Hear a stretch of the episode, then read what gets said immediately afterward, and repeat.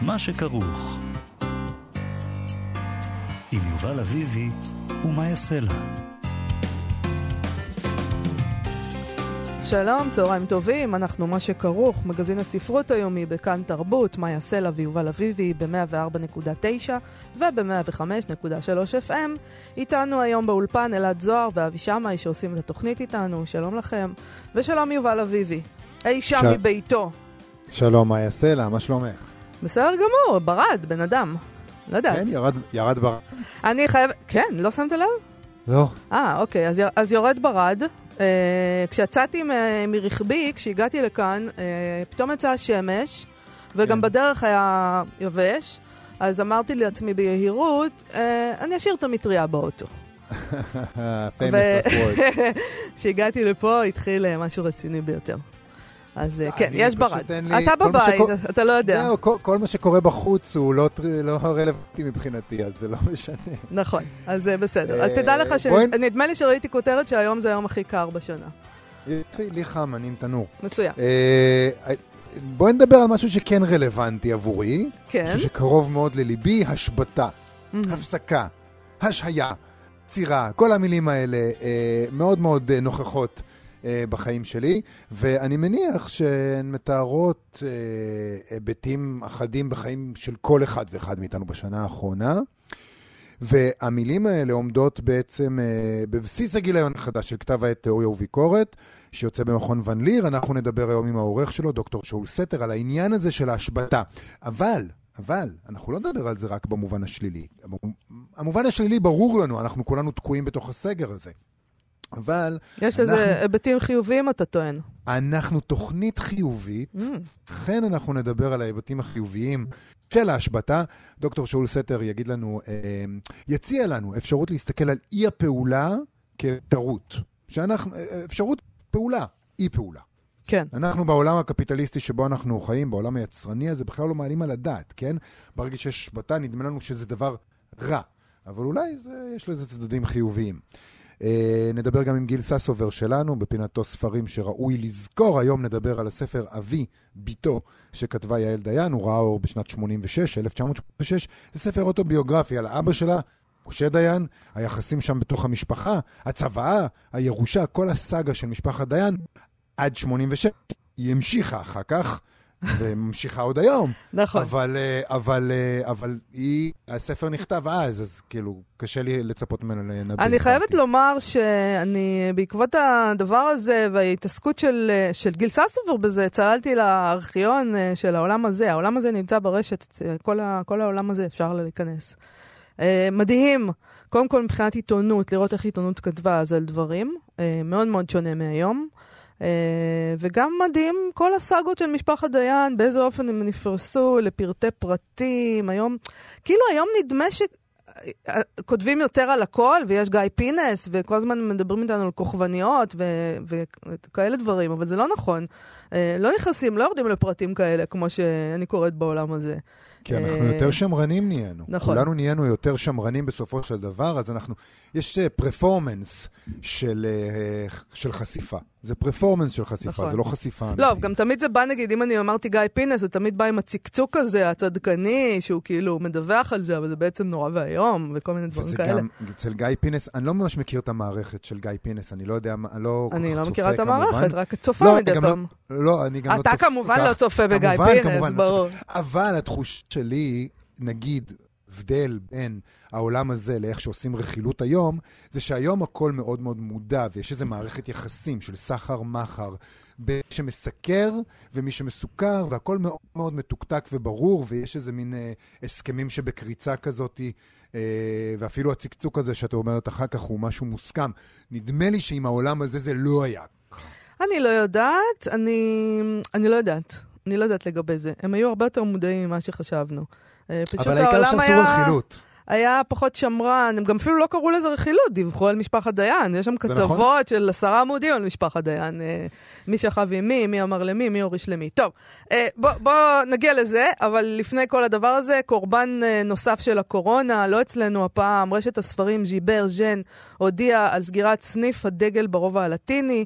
אה, בפריז כמובן, צרפת, זו הייתה חנות בת שש קומות שהייתה מוקד משיכה לסטודנטים. הרשת הייתה בבעלות משפחתית, הוקמה ב-1886 כדוכן על גדות הסן, יש שם דוכנים כאלה, אה, הפכה עד מהרה לרשת חנויות, שבהן גם ספרים חדשים וגם ספרים משומשים, והסניף הזה ספציפית הוקם ב-1971, יובל שנים. הוא קיים, הוא הפך לאחד מהסמלים של הרובע הלטיני, השכונה האינטלקטואלית והספרותית של פריז, והם סוגרים. כן, דרך אגב, הדוכנים האלה לגדות הסן אה, הם עדיין קיימים, וגם הם מאוד במצוקה, כבר דיווחו על זה בחודשים נכון. האחרונים, ש... ו- ו- והצרפתים מתייחסים גם לדוכנים האלה כסוג של סמל אינטלקטואלי, אה, וגם הם נמצאים בסכנה עכשיו.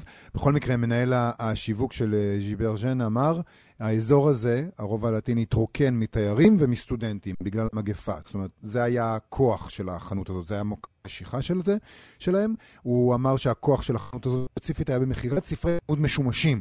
נדמה לי שהוא נקב ב-80% ממה שהיא מכרה זה ספרי, ספרי לימוד משומשים. משומשים, כן. כן, ולכן ההיעלמות של הסטודנטים פגעה בחנות הזאת בצורה משמעותית מאוד. אה, מדווחים שם שהקורונה גרמה לירידה של 60% במכירות של הסניף הזה, אבל מה שבעצם בעצם בסופו של דבר גרם לסגירה, זה העובדה שהבעלים של הבניין החליט למכור אותו, ועושים שם איזה, איזה תוכנית אורית חדשה, והבניין הזה יהיה חלק ממנה. זה קרה, דרך אגב, לעוד חנויות ספרים באזור. יש קורונה, יש uh, בלאגן של מגפה, אבל בסופו של דבר, השכירות עולה, בעלי בניינים מחליטים לשפץ.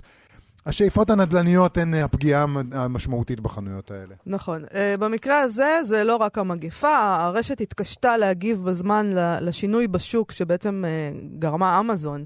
Uh, בגרדיאן כתבו ששוק המשומשים בצרפת משגשג, כיוון שספרים בצרפת יקרים יותר, והמשומשים זולים בצורה דרמטית מהחדשים. אבל המסחר בהם מתקיים בעיקר ברשת, במשומשים, ולא בחנויות. Uh, ברשת אמרו שזה לא סוף הדרך, אבל שהיא תצטרך להמציא את עצמה מחדש. ללמוד לחיות בעולם החדש. כן, למשל, במסגרת ההמצאה מחדש הזאת, בואו נשים את זה קצת במרכאות, כי זה... הם לא שמים פה איזה... ממה שתואר בכתבה, זה לא איזה דברים אה, מדהימים. למשל, הם מתכננים לפתוח ארבע חנויות קטנות וחדשות אה, ברחבי העיר. לא במוקדים, אה, זה יקרה באפריל, זה לא במוקד של התיירות. הם אומרים שהם רואים את העתיד נסמך פחות על תיירים וחנויות ענק במרכזי הערים, ויותר על חנויות קטנות ושכונתיות.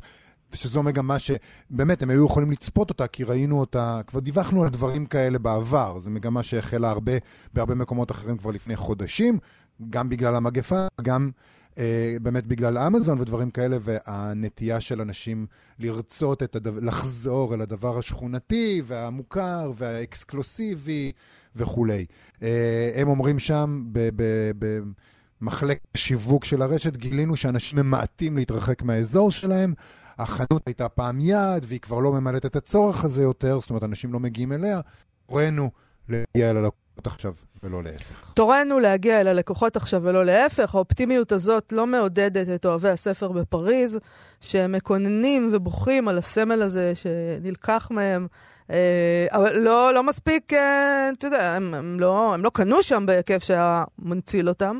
אה, אנשים מרואיינים אמרו, זה מקום היסטורי, יהיה משעמם בלעדיו. מישהו, עוד מרואיין אמר, זה קטסטרוף. זאת אומרת, הוא אמר, זה קטסטרופה, כן. זה כמו השאנזליזה, בלי בוטיקי היוקרה.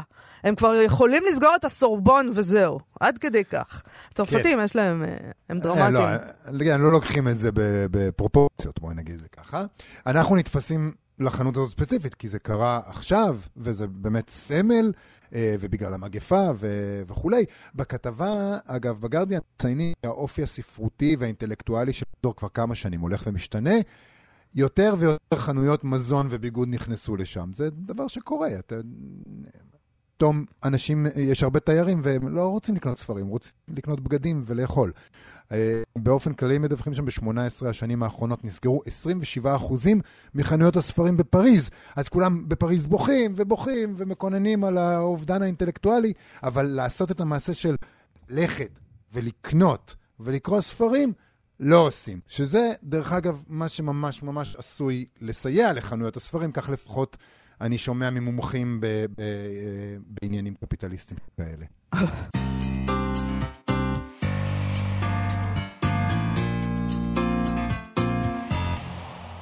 חזרנו אה, עם עצירה. העולם אה, בעצם עצר מלכת, והשבתה, אי הפעילות, הפכה למאפיין מרכזי שלו.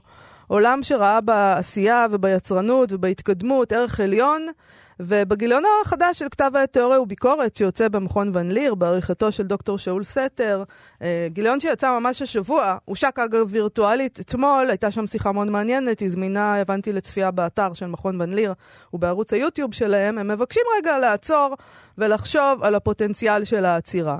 לא רק על המובן ההרסני של הדבר הזה.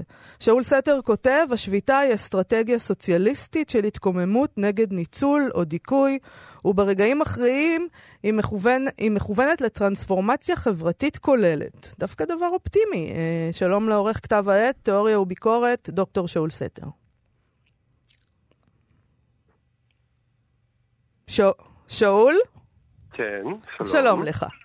אז, אז, אז בוא רגע נדבר uh, קודם כל על הרעיון הזה של uh, שביתה והשבתה. Uh, שביתה, יש משהו אקטיבי כזה של התנגדות, והשבתה זה שמישהו עושה לנו. ובכל זאת אתה מבקש להתמקד בפוטנציאל הזה של אי העשייה כאיזה מין דבר שסותר את האתוס הקפיטליסטי. נכון, אני, אני, אני חושב ש, שכדאי לחשוב על, ה, על השביתה לפחות באופן כפול. כלומר, זה נכון שבמהלך השנה האחרונה אה, הושבתנו מפעילותנו אה, בצורות שונות ואורחות החיים המורגלים שלנו נקטעו ופסקו והתבטלו אה, והשתנו אה, בצורה שאני מניח ש, שרובנו אה, דואבים, דואבים עליה. אבל, אה, אבל כדאי לחשוב על, על, על העולם שאותו עזבנו בצורה לא רק נוסטלגית. דיברתם על ה... על סגירת, עכשיו על סגירת הסניפים של ז'ילבר ג'ון בפריז, אני יכול לומר שאני קניתי שם לא מעט ספרים, אבל, אבל צריך, צריך להתבונן שנייה על, על, ה, על הדברים האלה בצורה מעט מפוקחת, מכיוון שהעולם אה, שהיה קיים עד ינואר 2020 לא היה גן עדן עלי אדמות. נכון. גם, גם, גם בעולם הזה שבו אה, היו חנויות ספרים, אה, ו, ו, והרחובות, והיו ברים ובתי קפה, ו, ואנשים אה, פעלו את פעולתם, העולם הזה עדיין היה עולם, אה, עולם שהיה בו הרבה אה, ניצול ודיכוי ואי שוויון, אמ, ו, ו, ו, ו, ולכן כדאי, כדאי להסתכל על, ה, על, ה, על ההשבתה, השבתה כפויה שהושתה עלינו, גם לחשוב על הפוטנציאלים שלה. עכשיו אני רוצה להזכיר ש, שהשבתה, הפסקה, קטיעה, היא בעצם האסטרטגיה או המחווה הבסיסית של המעשה הביקורתי. המעשה הביקורתי מתחיל כאשר אנחנו מפסיקים משהו. אנחנו מפסיקים משהו שהיינו מורגלים בו, שלקחנו אותו כמובן מאליו, שלא חשבנו על הטעמים אה, שבגללם אנחנו, בעצם אנחנו עושים אותו, ועוצרים רגע, וחושבים עליו, מתבוננים בו, אה, ואולי אה, מפסיקים לעשות אותו, או עושים אותו אחרת. זה, זה מה שאנחנו עושים. אפילו כשאנחנו מדברים על זה, אנחנו אומרים בואו נעצור רגע ונחשוב. בדיוק. אז, אז, אז יש, יש מובן שבו, ה, שבו השביתה היא גם, היא גם קיטוע של, אה, של, של סדר דברים מורגל אה, ו, ורפלקסיה עליו. ויש מובן שבו שביתה, כפי שמאיה אמרה אה, בפתח דבריה, היא מעשה קולקטיבי, היא מעשה קולקטיבי של קיטוע של סדר חברתי נצלני. ואלה היו השביתות הגדולות בסוף המאה ה-19 ובתחילת המאה ה-20. אז עכשיו השאלה היא, מכיוון שאנחנו כבר לא חיים בעולם שבו נגיד, מה, יש תנועה סוציאליסטית אה, אה, מפלגתית חזקה ו, ו, ומשמעותית, השאלה היא, השאלה היא כיצד ההשבתה הכפויה, אולי, ש, שלה אנחנו נתונים בצורות שונות בשנה האחרונה, יכולה להפוך גם להשבתה מסוג אחר. כלומר, להשבתה של כוח ריבוני אה, אה, מדינתי, או השבתה של באמת של אה, של תנועה, אה, זרימה בלתי נפסקת של אה, סחורות ושל, אה, והגדלה של הון. בעולם קפיטליסטי ניאו-ליברלי. אבל אתה יודע, מה חושב... שאנחנו רואים במציאות, שני הרעיונות האלה שאמרת שהם דברים נכון, שאנחנו חושבים עליהם כאנשים ביקורתיים כמשהו שיש בו באמת ערך, זה בדיוק הפוך ממה שקרה. אם אנחנו צריכים להגיד מה קרה בשנה האחרונה, הפכנו לצרכניים הרבה יותר, שינוע סחורות החליף את השינוע של בני האדם, והשלטון, זה לא שכאילו עצרנו אותו, להפך, הוא, הוא התנפל בתאווה על האפשרות לסגור אותנו ולשלוט בנו. נכון, כי אנחנו, כי, כי, כי הרבה יותר קשה לעצור ממה שנדמה לנו, ואני חושב שבכל בכל, בכל מעשה של השבתה יש גם אה, אה, מובן אה, אה, רב וקשה של, של משך, של, של, של המשך התנועה ש, שבה אנחנו מורגלים, שהיא התנועה של הסחורות, שהיא התנועה של, של, של ההכפפה לשלטון, שהיא התנועה של, של, של איזושהי הצטמצמות, אה, הצטמצמות אה, אינדיבידואליסטית, ו, ו, ו, וזה נכון, אבל אני חושב שלמשל, ש, ש, שאחד מהדברים שג'ורג'ו אגמבן, שהוא, שהוא אה, פילוסוף אה, איטלקי והוא אחד מה, מה, מההוגים המשמעותיים היום, ו, ו, ו, ויש עכבות של, של דבריו ב, ב, בכל, מיני, בכל מיני מקומות בגיליון הזה, מה שהוא, מה שהוא, אה, אחת מהתביעות שלו כלפינו, הוא, הוא לחשוב לא רק, לחשוב לא רק את מה שמתממש ומתגשם בעולם החברתי, כלומר, כמו שאמרת, בעצם זה ש, ש, ש, שרובנו, או רוב האנשים, כן, שעולמם פסק אז הם יתיישבו בבית וצפו בנטפליקס, אלא לחשוב על, על, על, על אפשרויות, על פוטנציאלים לא ממומשים. כלומר, ההשבתה הזאת מאפשרת אולי עדיין לנו לקיים אופק, לא אופק של חזרה לעולם הקודם, אלא אופק של, של השבתה ממש. של השבתה של, של השבתה של ההרגלים, של השבתה למשל של הרגלי, ה, הרגלי הצפייה שלנו, הרגלי ההתקיימות ה, ה, המשפחתית והחברתית שלנו, ההתקיימות הפרטית שלנו, ואני חושב ש, ש, ש, שיש יותר, הייתי אומר ככה, זה לא קורה, אולי זה עדיין לא קורה, אולי לא קורה בצורה חברתית, אבל האם הפוטנציאל לזה גבר בשנה האחרונה? אני חושב שכן, שהערעור, משהו בערעור של, של החיים שלנו, גורם ל, ל, למחשבה מחודשת. אני לא בטוחה, אגב, שזה לא קורה, שאול. אני חושבת שאולי אי אפשר להגיד שזה קורה, אבל אני חושבת שאפשר להגיד שיש לזה סימנים למשהו, שאנשים אומרים לעצמם, אוקיי, את זה הייתי רגיל לעשות ואני כבר לא עושה את זה, ואולי אני לא צריך את זה. זה לא נורא שאני לא עושה את זה יותר. אז אני חושבת שזה כן קיים הדבר הזה. אני כן רואה אותו כדבר ש... יש איזה שורש כזה שם שמתגלה, של דברים שאנשים אומרים, אני כבר לא צריך את זה יותר. אני לא, לא הייתי צריך את זה כל הזמן, בעצם מה, בשביל מה עשיתי את זה? מצוין, אז, אז, אז, אז כן, זה, זה, זה, משהו מזה קורה, או משהו מזה יכול לקרות. אמ, ומשהו מזה יכול לקרות גם ביחס לספרות וגם ביחס ליצירה אומנותית. באיזה אופן פעם... ביחס לספרות? אז אני חושב ש, שהרבה, שהרבה פעמים אנחנו חושבים על ספרות כמעשה יוצר, מעשה נכון, מעשה היצירה.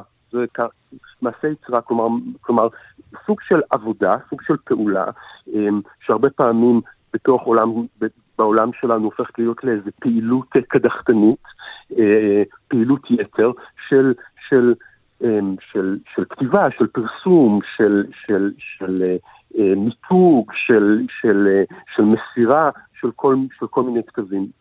והשאלה היא אם אנחנו יכולים לחשוב גם על אמ, על מעשה במרכאות יצירתי, כלומר על אומנות, על ספרות, לא רק כמעשה שהוא מעשה של הפקה, של יצירה, אלא גם כעל אה, מעשה של יצירה, כלומר מעשה של השבתה, של הדחה, של, של, אה, של איזושהי, של, של, של עצירה שהיא לא, לא עובדת, אה, ש, ש, שצורת הפעולה שלה, נגיד צורת, צורת הפעולה שלה היא אל מול ונגד צורת העבודה והייצור של, של עולם ה...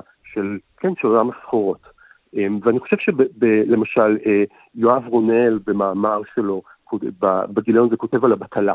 על מושג של הבטלה ועל השאלה איך אפשר לקחת את מושג הבטלה, שכבר, שכבר היום הוא חלק לגמרי מעולם העבודה, נכון? אנחנו עובדים בבטוטר, אנחנו מתבטלים, מה, תוך כדי שאנחנו עובדים אנחנו רוב הזמן מתבטלים, יושבים על הפייסבוק, נכון. יושבים על מחשב, נכון? המחשב הפך להיות, הפך להיות ה, ה, ה, לגמרי לגמרי המדיום של העבודה ושל הבטלה.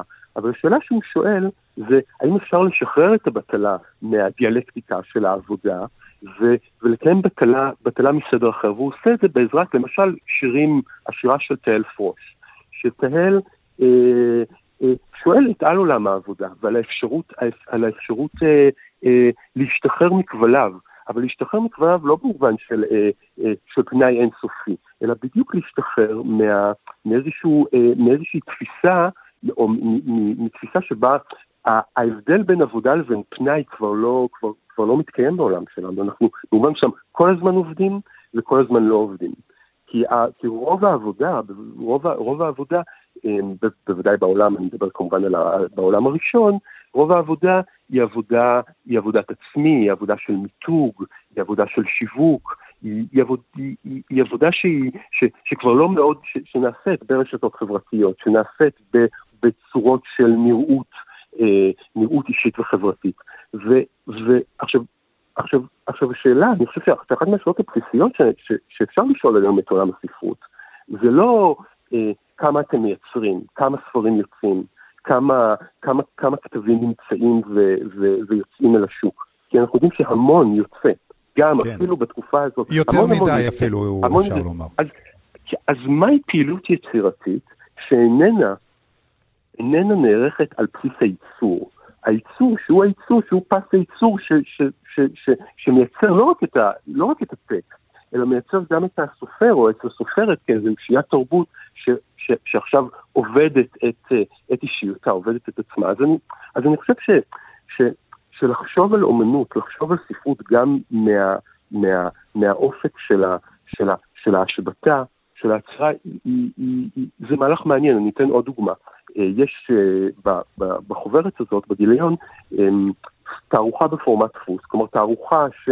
תערוכת אומנות, של אומנות, אומנות חזית שנעשתה במיוחד עבור הגיליון, שעצר אותה אורי דסר, והיא עוסקת באומנים אה, ואומניות שעזבו את ישראל בגיל צעיר, ועשו בעצם את הקריירה שלהם מחוץ לישראל.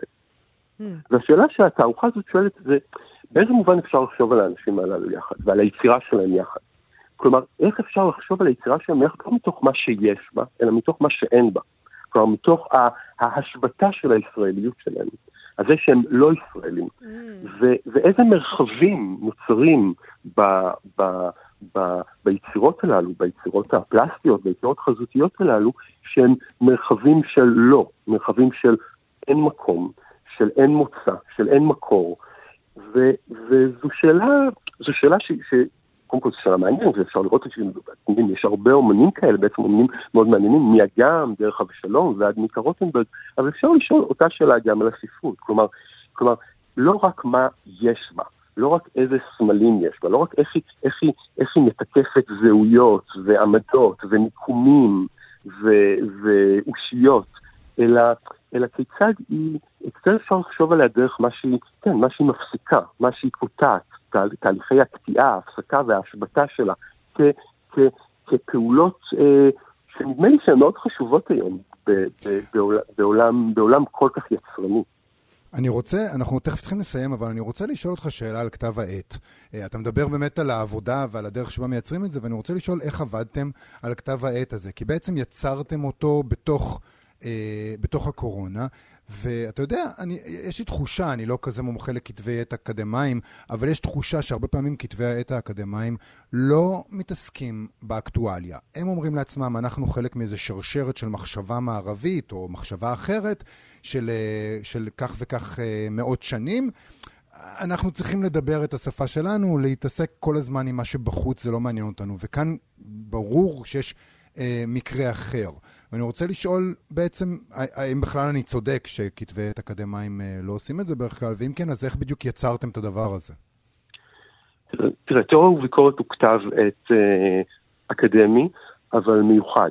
כלומר, אה, מה שאנחנו מנסים לעשות פה זה מצד אחד להעמיד אה, כתיבה אקדמית, אינטלקטואלית, תיאורטית, ספקולטיבית, היסטורית, כמו שאמורים לכתוב אה, אה, אה, מאמרים אה, ראויים אה, של מחשבה אה, שהויה, אבל מצד שני, כתב העת הזה מנסה לגעת בעכשווי, ברגע העכשווי, ברגע הנוכחי, להבין אותו כרגע של שינוי ותמורה מצד אחד, או כרגע של, של שנמצא על משך או על רצף. והניסיון לעשות את הדבר הכפול הזה אומר ש, שכן, שמצד אחד ברור ש, שבוודאי המאמרים, המאמרים האקדמיים שנמצאים בגיליון הזה אה, נחשבו וחלקם גם נכתבו לפני תקופת הקורונה, אבל הם עברו אחרי זה ארטיקולציה מחודשת ב, בתקופה, ב, ב, בשנה האחרונה. והניסיון הוא, הוא, הוא, הוא, הוא, לא, הוא לא לצאת, לא, לא לצאת לאיזה ספירה אה, אה, חיי עיון אה, שנפרדים מה, מהעולם, אה, מהעולם, מהעולם ש, שבו אנחנו מתקיימים ושאותו אנחנו חווים מצד אחד. ומצד שני, לא רק ללכת אל המיידי ואל ה, אל ה, אל ה, אל, אל המיידי ואל החווייתי ואל ה, אל ה, אל ה, אל הקרוב ביותר, אלא לעשות את התנועה הזאת, שהיא תנועה מן התיאוריה אל העולם, כל הזמן תנועה, תנועה חוזרת, ואני חושב שהטקסטים האלה במיטבם עושים את הדבר הזה. כלומר, יש פה תיק מסות על המרחב הפוליטי בימי קורונה, ויש פה אה, גם אה, אה, רב שיח על, הפנ... על הפנומנולוגיה של הרוח של הגל שיצא בתחילת המאה ה-19 וכעת יש, כעת פורסם תרגום חדש לעברית שלו והניסיון הוא לעשות את התנועה הזאת, כלומר התנועה מהעכשיו, אבל להבין את העכשיו גם בתוך מסורת של מחשבה, שהיא תמיד גם מחשבה על העכשיו. גם כשהגל חושב בתחילת המאה ה-19, הוא חושב, אתה יודע, הוא חושב על אה, נפוליאון, על המהפכה הצרפתית, על מה זה אומר לחשוב את רגע ההווה, ובמובן זה אפשר ללמוד ממנו כל מיני דברים שאחרי זה אנחנו יכולים אה, אה, אה, לחשוב מבעד להם גם על רגע ההווה שלנו. אז, אז איפה... כן, בוא נספר למאזיננו... איפה קוראים את זה? איך הם ימצאו את אוקיי, תיאוריה וביקורת. אז, אז, אז קודם כל יש אתר לתיאוריה וביקורת, אה, ואפשר להיכנס לאתר הזה, ושם נמצא הגיליון החדש. וכל המאמרים והמסות ותיק העבודות ורב השיח, הכל פתוח לקריאה, אפשר להוריד את ה-PDFים ו- ו- ולקרוא אותם. חוץ מזה, כאמור, אתמול היה אירוע ההשקה הראשון שלנו, וביום שלישי הבא, הקרוב, בשעה שמונה וחצי, אנחנו נעשה עוד אירוע השקה על אדם בן הגל וסוף העולם. מה יש לפילוסופים הללו לומר לנו על קץ ההיסטוריה וסוף העולם? האמת שאני מאוד אוהבת את ה... אתמול היה מאוד מעניין, מאוד ממליצה לאנשים ללכת לראות את זה, והכל חינם אין כסף, אז מה יש לנו כן. להתלונן? דוקטור שאול סתר, תודה רבה לך על השיחה הזאת. תודה, להתראות. להתראות. להתראות.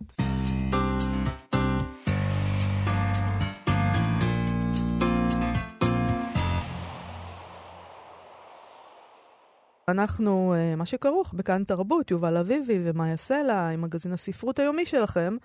וחזרנו עם גיל ססובר שלנו, שמדי שבועיים מגיע אלינו כדי לוודא שלא שכחנו ספר שראוי לזכור. שלום, גיל ססובר. בברכה. אנחנו מדברים היום על אבי ביתו של יעל דיין. אני חייבת לומר שצללתי אתמול, הרסת לי את הלילה אתמול, צללתי לארכיונים של העולם הזה. אה, קראתי לדעתי כל מה שכתוב שם על יעל דיין. אה, וזה לא מעט. רחל דיין, רות דיין, משה דיין, ושאר הכנופיה. זה ויתרת על אסי, אני מבין. אה, כן, האמת שאסי זה סקציה נפרדת. הרגשתי שאם אני נכנסת לשם זה לילה בנפרד. אז מה, אז מה, בוא תספר לנו על אבי ביתו, שהיה ספר כמובן, שהשערוריות מסביבו, ווואו, לא, אתה יודע, זה הקנדיז שלנו. כתבה שם בגילוי לב. זה לגמרי הקנדי שלנו, אני לא חושב שיש לנו עוד משפחה כמו אה, הורוביץ גפן דיין. נכון. אה, ואני חושב שמכל המסמכים, שחלקם אה, דוקומנטריים או פסאודו דוקומנטריים או רכילותיים, הוא אחד גם המעניינים, המעניינים שבהם וגם היפים שבהם. א', היא, היא כותבת נהדר ואני חושב שזה באמת הספר הטוב ביותר שלה. שתסלח לי אם היא לא מסכימה איתי. ואני חושב, אה, הספר הזה לא היה נכתב, או בטח לא היה נכתב כמו שהוא, אה, לולא הצוואה. זאת אומרת, הספר מתחיל, הפרק הראשון אה, בספר, מספר על ממש על השעות האחרונות של משה דיין בבית החולים. Mm-hmm. איך הם ממש עולים בשביל להיפרד איתו, ואיך הוא לא מוכן לקבל אף אחד חוץ מרחל אל החדר, רחל אשתו השנייה, כן? ואז יש את כל הספר, ובפרק האחרון יש את פתיחת הצבא. אז זאת אומרת שכל הספר זה בעצם, ה... אנחנו מתחילים בבית חולים, באמצע יש נהלל ודגניה ו... וכלא עכו. והקמת המדינה, ובקטנה אה, במלחמת ששת הימים, והשלום עם מצרים, כל מיני דברים שוליים. כן. כל מיני דברים ממש אה, שוליים, ואז, אה, ואז חוזרים לפתיחת הצבא, כי זה באמת היה השוק הגדול, ו... ומה שעיצב אני חושב שיותר מכולם את חייו של אסי, כן? זאת אומרת, כמובן שכולם אה, הושפעו מזה והחיים שלהם השתנו, אבל יותר מכולם אסי הוא זה שבעצם אמר, אה, אין לי אבא, אין לי אבא, אני יתום ותמיד הייתי יתום. אבל בוא נראה, לפני זה, נ, נ, נגיד שמאזינים לנו אנשים ש... מאוד מאוד צעירים. שלא יודעים מי זה משה דיין, או לא יודעים, שמעו על משה דיין, אבל לא יודעים מה זה היה פה בארץ, משה דיין, והיא הבת של הגנרל. כן, אז, אז משה דיין היה אה, בן ל, לעולים שהגיעו כמובן מאירופה במוקדם מאוד, והוא אה, גדל בדגניה ואחר כך בנהלל ובחניתה, ועוד אה, הרבה לפני קום המדינה הוא כבר נעצר ובילה שנתיים בכלא עכו, והוא היה מהילדים החביבים ביותר, דרך אגב, הלורד וינגט, שכבר מגיל מאוד צעיר ייעד אותו לגדולות. ואחרי שהוא משתחרר מכלא עכו, אה, בעצם מוטלת עליו אה, המשימה להקים איזשהו כוח פעולה, שהיה לו איזה תפקיד במודיעין, ואז הוא עולה, אחרי ניצחון דרך אגב, אחרי השתלטות על איזה עמדה של, אה, של מקלען אויב, הוא עולה על הגג וחוטף כדור ישר לעדשה של המשקפת, ומשם אה, נולד אולי אחד האייקונים הגדולים של, של מדינת ישראל לדורותיה. ו- וגם היה, זה היה ידוע בעולם, הוא אחרי, אתה יודע, היה מלחמת ששת הימים, משה דיין היה... כן, הוא, אומר, זה פתח לדלתות. אחר כך, אחר כך הוא באמת, כאילו, כמובן, הוא היה שר הביטחון במלחמת ששת הימים, כן. במעבר הגדול של מדינת ישראל מחרדה קיומית לאיזו אופוריה משיחית, כמעט משיחיות בעל כורחה, כי, כי באמת אי אפשר... אולי עד היום להבין את גודלו של הנס, ואחר כך הוא לוקח עוד תפקיד אדיר, אה, סופר משמעותי בשיחות השלום עם מצרים, אה, כשבגין בעצם לוקח אותו בתור אה, שר החוץ, לדעתי הוא היה אפילו בלי מפלגה, הוא פשוט לקח אותו תחת חסותו ואמר לו בוא, אני צריך אותך. אה, וזהו, הבן אדם היה יותר, ב, יותר פעמים על השער של, של הטיימס מאובמה, כן? אולי אפילו מהטומטום הזה שעוזב אותנו היום. אה, ויעל דיין, היא, היא הייתה הבת האהובה. אני חושבת על אביה. קודם כל היא הייתה הבכורה, קודם כל היא הייתה הבכורה. כן. אה, והיא באמת הייתה נהדרת. היא הייתה יפהפייה, והיא הייתה סוג של גאון, והיא הייתה מעורבת אה, חברתית ופוליטית, ושוב, אה, לא סתם אמרתי על הטיימס, כי, כי הניצחון הזה ושיכרון הכוח לא היה איזה משהו לוקאלי, זה היה משהו אה, אה, עולמי. וכשהיא מגיעה לכל מקום, וזה לא משנה אם זה לוושינגטון או לפריז או ליוון, בכל מקום היא הבת של הגנרל, ו, ושמו ממש הולך לפניו בעולם כולו, כאילו זה... נכון. אז הסיפור הזה בעצם, הסיפור של הספר, זה סיפור של בגידה נוראית. אה, תשמע, בלזאק כתב, הוא, בלזאק אמר שהאנושות כולה, כולה סובבת סביב ציר אחד, והוא הירושה, כן? וג'ינגיס חאן, שבעיניי הוא אולי האדם הגדול ביותר שחי אי פעם, בטח הנאור שבהם, אה, אז הוא, אחרי שהצילו אותו פעם אחת ממוות אנשים זרים באיזה כפר שכלאו אותו, הוא החליט שהוא יוצא באיזה אופן גורף, ממש יוצא חוצץ נגד הנפוטיזם, ואין לו שום אה, יתרון לדם, ולא אכפת לו אם זה עם הילדים שלו, הנכדים שלו. מבחינתו כל אדם באשר הוא אדם, וכל אחד ייבחן לפי הכישרון שלו והיכולות שלו, והוא באמת דגל בזה, וזו אחת הסיבות שהממלכה שלו באמת הצליחה. לא הייתה לו שום העדפה למקורבים, הוא פשוט בחן כל אחד על פי הכישורים שלו, עד היום, ש... עד היום שזה הגיע לירושה. והנה בא מר דיין ועושה בדיוק הכל הפוך. אז אולי אה, נקרא אה, איזשהו קטע מהספר? כן. אוקיי. לקח לנו שתי דקות לקרוא את הצוואה. והשתיקה שהשתררה אחר כך הייתה דממת מוות. רחל ביקשה לומר כמה מילים, ובקול רועד, מבלי להביט באיש מאיתנו בעיניים, נשאה נאום קטן. היא יודעת שנפגענו ומסוגלת להבין זאת. זו צוואתו, צוואתו האחרונה, והיא מתכוונת לדאוג לכך שתכובד. עם זאת, היא סבורה שעליה לפצות אותנו במידה מסוימת, והציעה לתת את החצי השני של הדירה בשדרות אשכול לילדינו, נכדיו, החצי האחר ירשו ילדיו של אודי. אם תחולק לחמישה חלקים, לאסי נולד בינתיים עוד בן, יקבל כל ילד חמישית של הדירה. אחרי המיסים, בתנאי שלא נפגע בשמו או בשמה, או ננהג חוסר כבוד בזכרו, למרות עוגמת הנפש שאנו חשים ברגע זה, הבטנו בה בתמיהה. הייתכן שהיא מאמינה שזו באמת הצעה נדיבה? עורך הדין שוב קם ורצה לצאת, אך אודי ציווה עליו לשבת. אמרתי, תוך שאני מציינת שאיני דוברת בשם שלושתנו, שאיני רוצה לעשות שום עסקאות כאן ועכשיו. כל מה שיש ברצונה להציע חייב להיות מכוון אלינו, ולא לילדינו. אודי הוסיף מיד שהוא לא מוכן כי הופעל עליו לחץ כדי להוציא ממנו הבטחה של שתיקה, והוא מרגיש חופשי להביע את רגשותיו על אביו בכל דרך שיבחר. אם אלה דמי שתיקה, הרי שאינו מעוניין לדון בהם. Hmm. אני חושב שאפשר להמשיך ישר לחלק השני, הוא כאילו זה ממש... אה, אוקיי, אה, אז אה, החלק, השני זה המכתב שהוא כותב להם, נכון, משה? כן. כל הדברים האלה מפורטים בצוואה, ואת המכתב הזה החלטתי לכתוב בקשר לנקודה אחת. אין זה סוד בפניכם שליבי פגום. כל התרופות והטיפולים לא הועילו, והוא עלול להפסיק לפעול לפתע, אפילו תוך שינה. זה מה שנקרא התקף לב. אם דבר זה יקרה בתקופה הקרובה, תמשיך רחל לחיות, אני מקווה, עוד עשרות שנים. היא בריאה ואף צעירה ממני בעשר שנים. לכן החלטתי להשאיר לה את הכסף שיש לזכותנו, לזכות רחל ולזכותי במשותף. אני חושש שהחיים בארץ יהיו קשים ויקרים, וכדי לשמור על רמת החיים שכולנו נהנים ממנה היום, מכונית קטנה, בית וגינה, תידרש הכנסה חודשית נטו נאותה.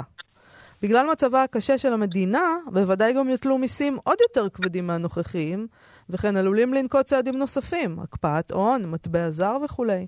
בהביאי כל זה בחשבון וביודעי שרחל אינה בעלת מקצוע, ופרט לי אין מי שידאג לה, מצאתי לנכון להוריש לה, נוסף לבית ולתכולתו, את הכסף שהצטבר לחשבוננו מאת נישואינו. אשר לכם, הצעירים בדור מרחל וממני, אני מאמין כי כל אחד מכם יוכל לדאוג לעצמו ולמשפחתו. שלכם, אבא.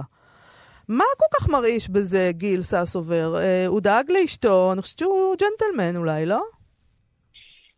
אה, קודם כל צריך להבין שהוא היה בן אדם מאוד עשיר.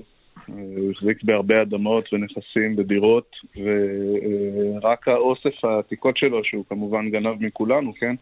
נמכר במיליון דולר דאז, כן? אנחנו מדברים על שנות ה-80 למוזיאון ארץ ישראל.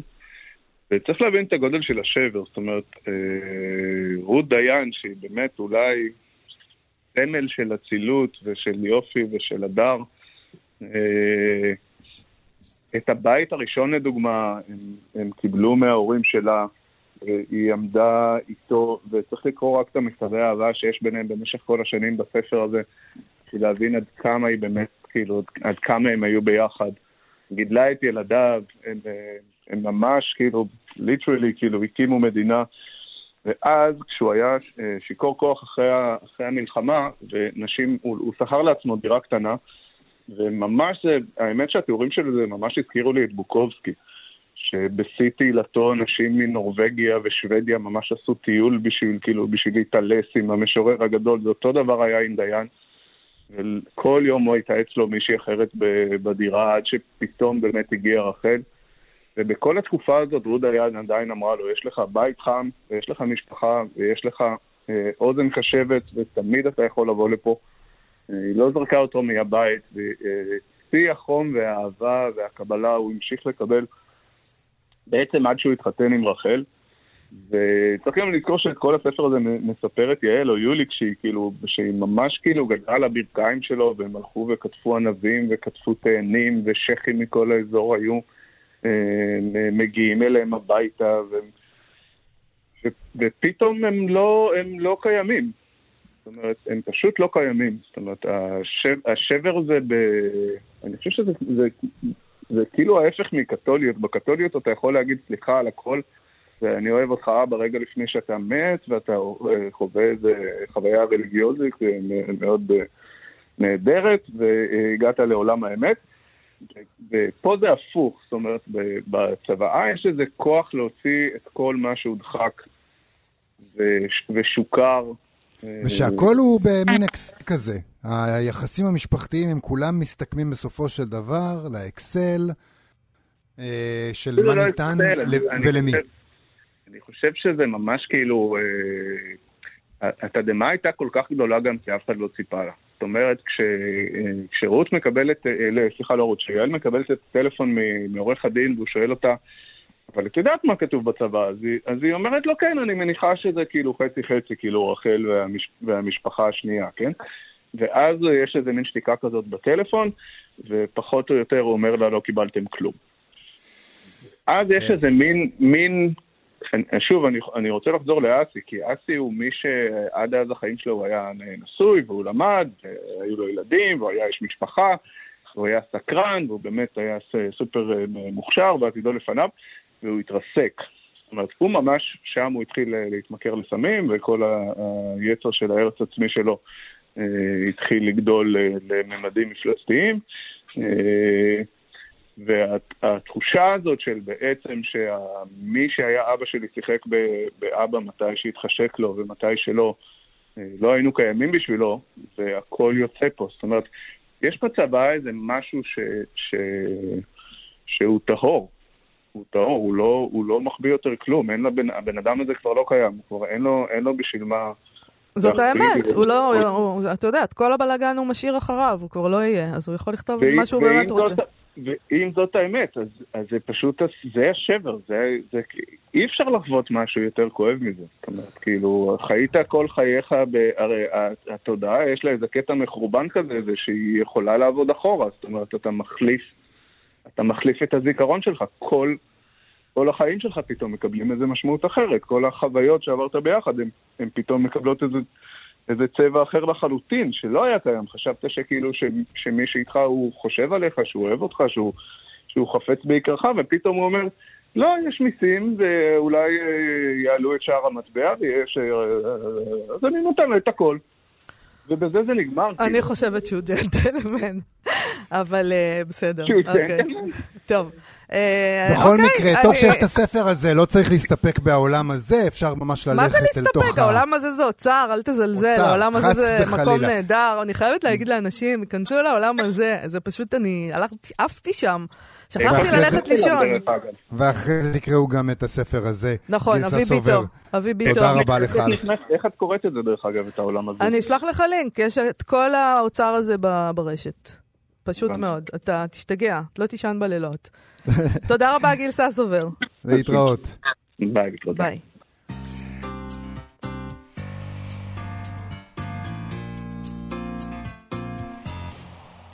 מהר מהר לקראת סיום, כרגיל בימי רביעי, אנחנו מספרים לכם על כמה אירועים ספרותיים לסוף השבוע. בראש ובראשונה מחר, יום חמישי, בשבע וחצי בערב, ישודר אה, אה, בפייסבוק של הוצאת אפיק, האירוע מאין נחלתי את שירי.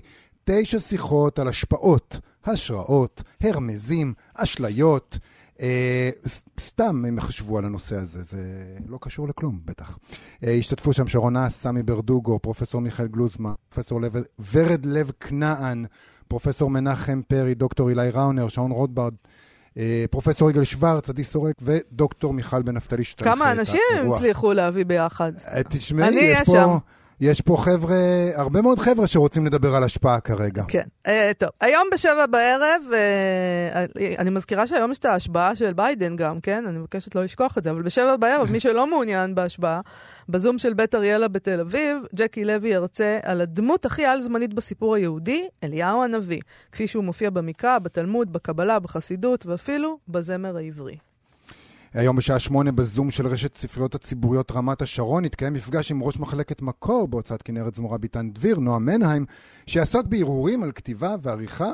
אה, היא, דרך אגב, נועה מנהיים חרוצה מאוד, היא גם אה, ביום חמישי, מחר, אה, בשמונה וחצי, בזום של בית הבאר בתל אביב. תרצה על מכשפות ואמזונות. עוד פעם, מחר, אה, יש לכם אה, מבחר רב, בשעה שמונה, בזום של סיפור פשוט, הוצאת פרדס תקיים את השקת ספר הסיפורים. אל תשבי סתם ככה, של אה, איריס רילוב. השתתפו לי ממן, נועה ידלין, יערה שחורי ונורית בקרח. ולבסוף, מיתרונות המגפה. הרי כל העולם עושה אירועים בזום, אנחנו לא מיוחדים בדבר הזה, למה להגביל את עצמנו רק לאירועים שמתקיימים בישראל? הנה לכם אפשרות להצטרף לשיחה וירטואלית עם הסופרת מרגרט אטווד. זה יתקיים בשעה 6.45 בערב, היום, בשעון ישראל, דרך uh, מרכז התרבות הפולני גויקי 3. יש לינק לזה בעמוד הפייסבוק של המרכז הזה, שזו לי הפעם הראשונה כמובן שאני שומע עליו. חפשו אותו בפייסבוק ותוכלו את מרגרט אטווד. אוקיי, זה זמננו לסיים. תודה רבה לאלעד זוהר ואבי שמאי שעשו איתנו את התוכנית היום. אתם מוזמנים לעמוד הפייסבוק שלנו ולעמוד הפייסבוק של כאן תרבות. להתראות. להתראות. אתם מאזינים לכאן הסכתים, הפודקאסטים של תאגיד השידור הישראלי.